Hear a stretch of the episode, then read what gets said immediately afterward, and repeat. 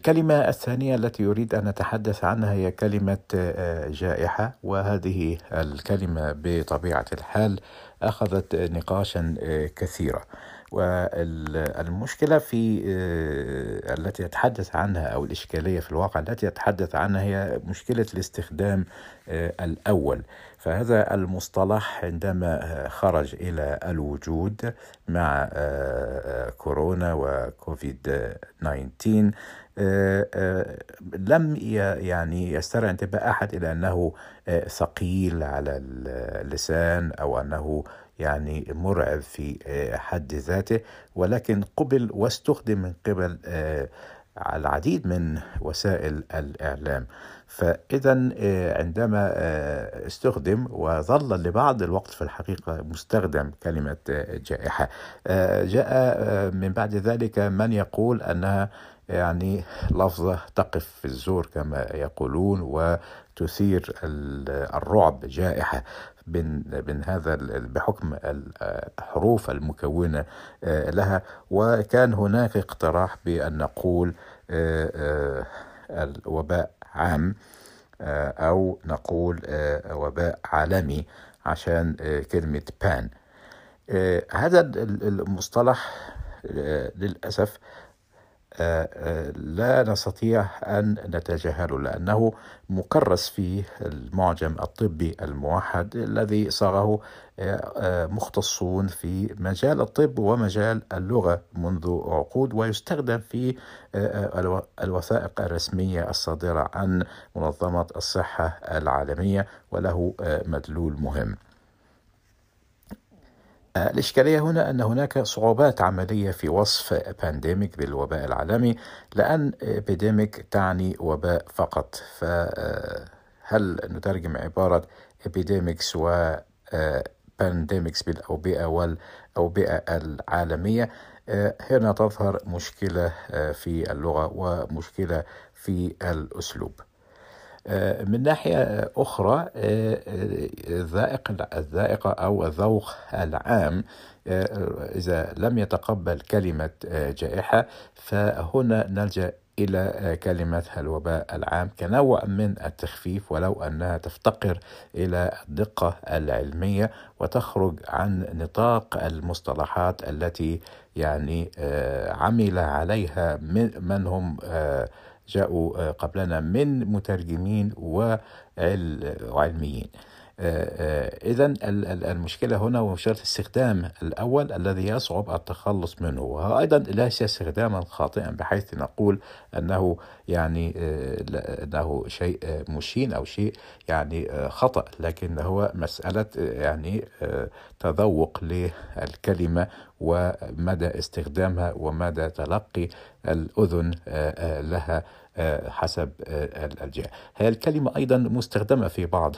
المناطق ويعني ما زالت مستخدمة حتى الآن. بل إن في المؤسسة الواحدة نجد يعني قسما يستخدمها وقسم آخر لا يستخدمها حسب التعليمات التي تأتي وربما في ظل غياب يعني مسرد لتوحيد المصطلح في الجهات الإعلامية.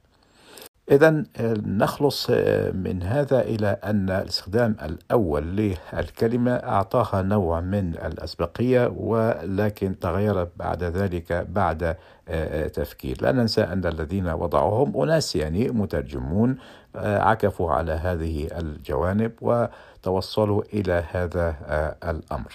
الكلمة الثالثة التي أريد أن أتحدث عنها كلمة عترة وهي ترجمة لكلمة سترين وسترين يعني أقرب ترجمة لها هي كلمة سلالة لأن الفيروسات عبارة عن شجرة تتفرع منها العديد من الأفرع وتتخذ هذه الفيروسات أشكالا متعددة ومتجددة. ولذلك كلمة أترا الإشكالية التي بها هي أنها لها كونوتيشن أو دلالة دينية ربما نقول عترة رسول الله ولكنها من الناحية اللغوية هي صحيحة مئة في المئة. القوميس تقول أن أنها تدل على ذلك بالفعل يعني وهي تستخدم في بعض الدول العربية وغير مستعجبة.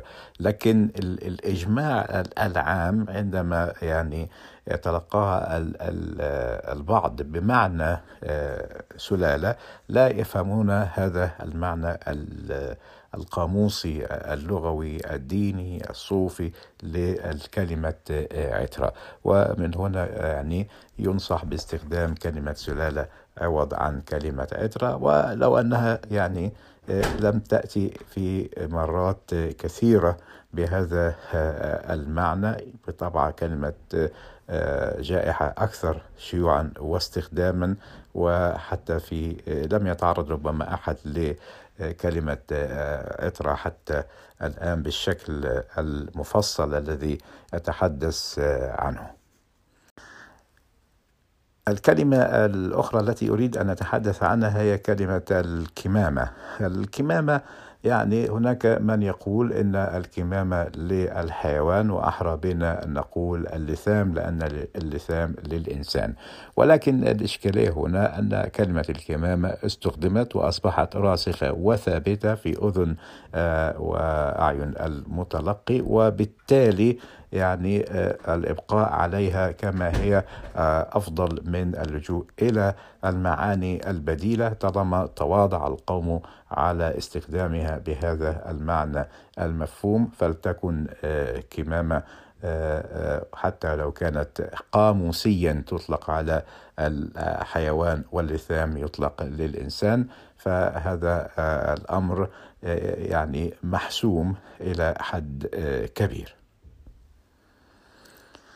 أختتم بتعبير آه، التنمر والبعض أثار هذا الإشكال وقال إن لماذا النمر يعني يحظى بهذا الاشتقاق. في عملية البولينج أو التنمر أو الاستئساد فأنا أرى أنها كلمة من الكلمات الثابتة كلمة معبرة كلمة آه، يعني آه، منطقية جدا وتواضع الناس على مفهومها بأنها تنمر وحتى الاشتقاق منها أسهل من الاشتقاق من الاستئساد والكلمات الأخرى المقترحة عوض عن كلمة آه، التنمر. بهذا آتي إلى ختام هذا البودكاست عن مطبات لغوية وإلى مطب آخر بإذن الله. وإلى اللقاء. بكم مرة أخرى إلى الحلقة الثانية من مطبات اللغوية في البداية أحب أن أشكركم على ردود أفعالكم على الحلقة الأولى من مطبات لغوية. كما أشكر الذين عادوا واستخدموا كلمة أسود دون تردد أو آه، دون خجل أن استخدام هذه الكلمة في هذه الأوقات بالذات.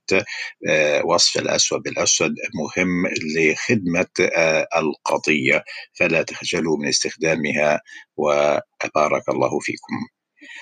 اليوم أريد أن أتحدث عن آه، نفس الإشكالية التي تحدثت عنها في الحلقة الأولى وهي آه، إشكالية الاستخدام الأول وكيف أن الاستخدام الأول هو الذي يثبت في الذهن ويصعب آه، تغييره حتى على ليس فقط على مستوى الكلمات ولكن على مستوى أسماء الميادين أسماء الشوارع. يعني دائما عندما يذكر المكان يذكر باسمه القديم الذي يحفظ في الذاكرة دون حتى وعي من المستخدم بسبب تغيير الاسم أو الحادثة التي أدت إلى تغيير آه، الاسم. آه، هذا ينطبق أيضا على موضوع آه، الاستخدام الأول وهذا ظهر أيضا عند كلمة التباعد الاجتماعي. كثيرون اعترضوا على التباعد الاجتماعي باعتبار أنها يعني غير معبرة عما يحدث في الواقع وأنه ليس من المفروض التباعد الاجتماعي بقدر من أن المقصود هو ترك مسافة مترين مثلا بينك وبين أي شخص آخر. هناك من لجأوا في ترجمة كلمة social distancing بمسافة الأمان مسافة الأمان كلمة مقبولة وهي كلمة أيضا معبرة.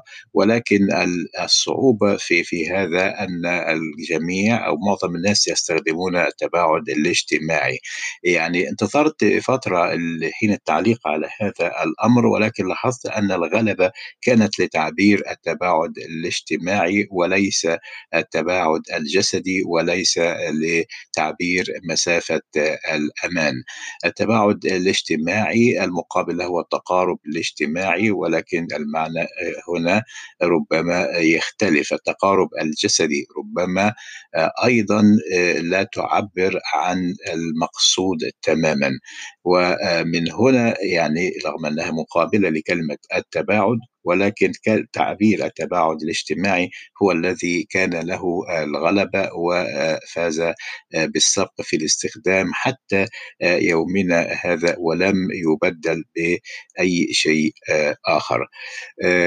هنا هذا ما يثبت موضوع الاستخدام الأول لأن عندما ظهر هذا التعبير استخدم على هذا النحو من قبل حتى وسائل الإعلام وهو أيضا ذكر من جانب منظمة الصحة العالمية باللغة الإنجليزية حاولوا أن يفسروا الأمر أنه ليس المقصود التنافر بقدر وجود مسافة آمنة بينك وبين الآخر. هذا طبعا للحد من وباء وكورونا وكوفيد مرض كوفيد 19 فمن هنا يعني هو الاستخدام الأمثل حتى يومنا هذا ولم يأتي تعبير آخر يحل محله رغم الحجج التي سيقت بأنه غير مناسب.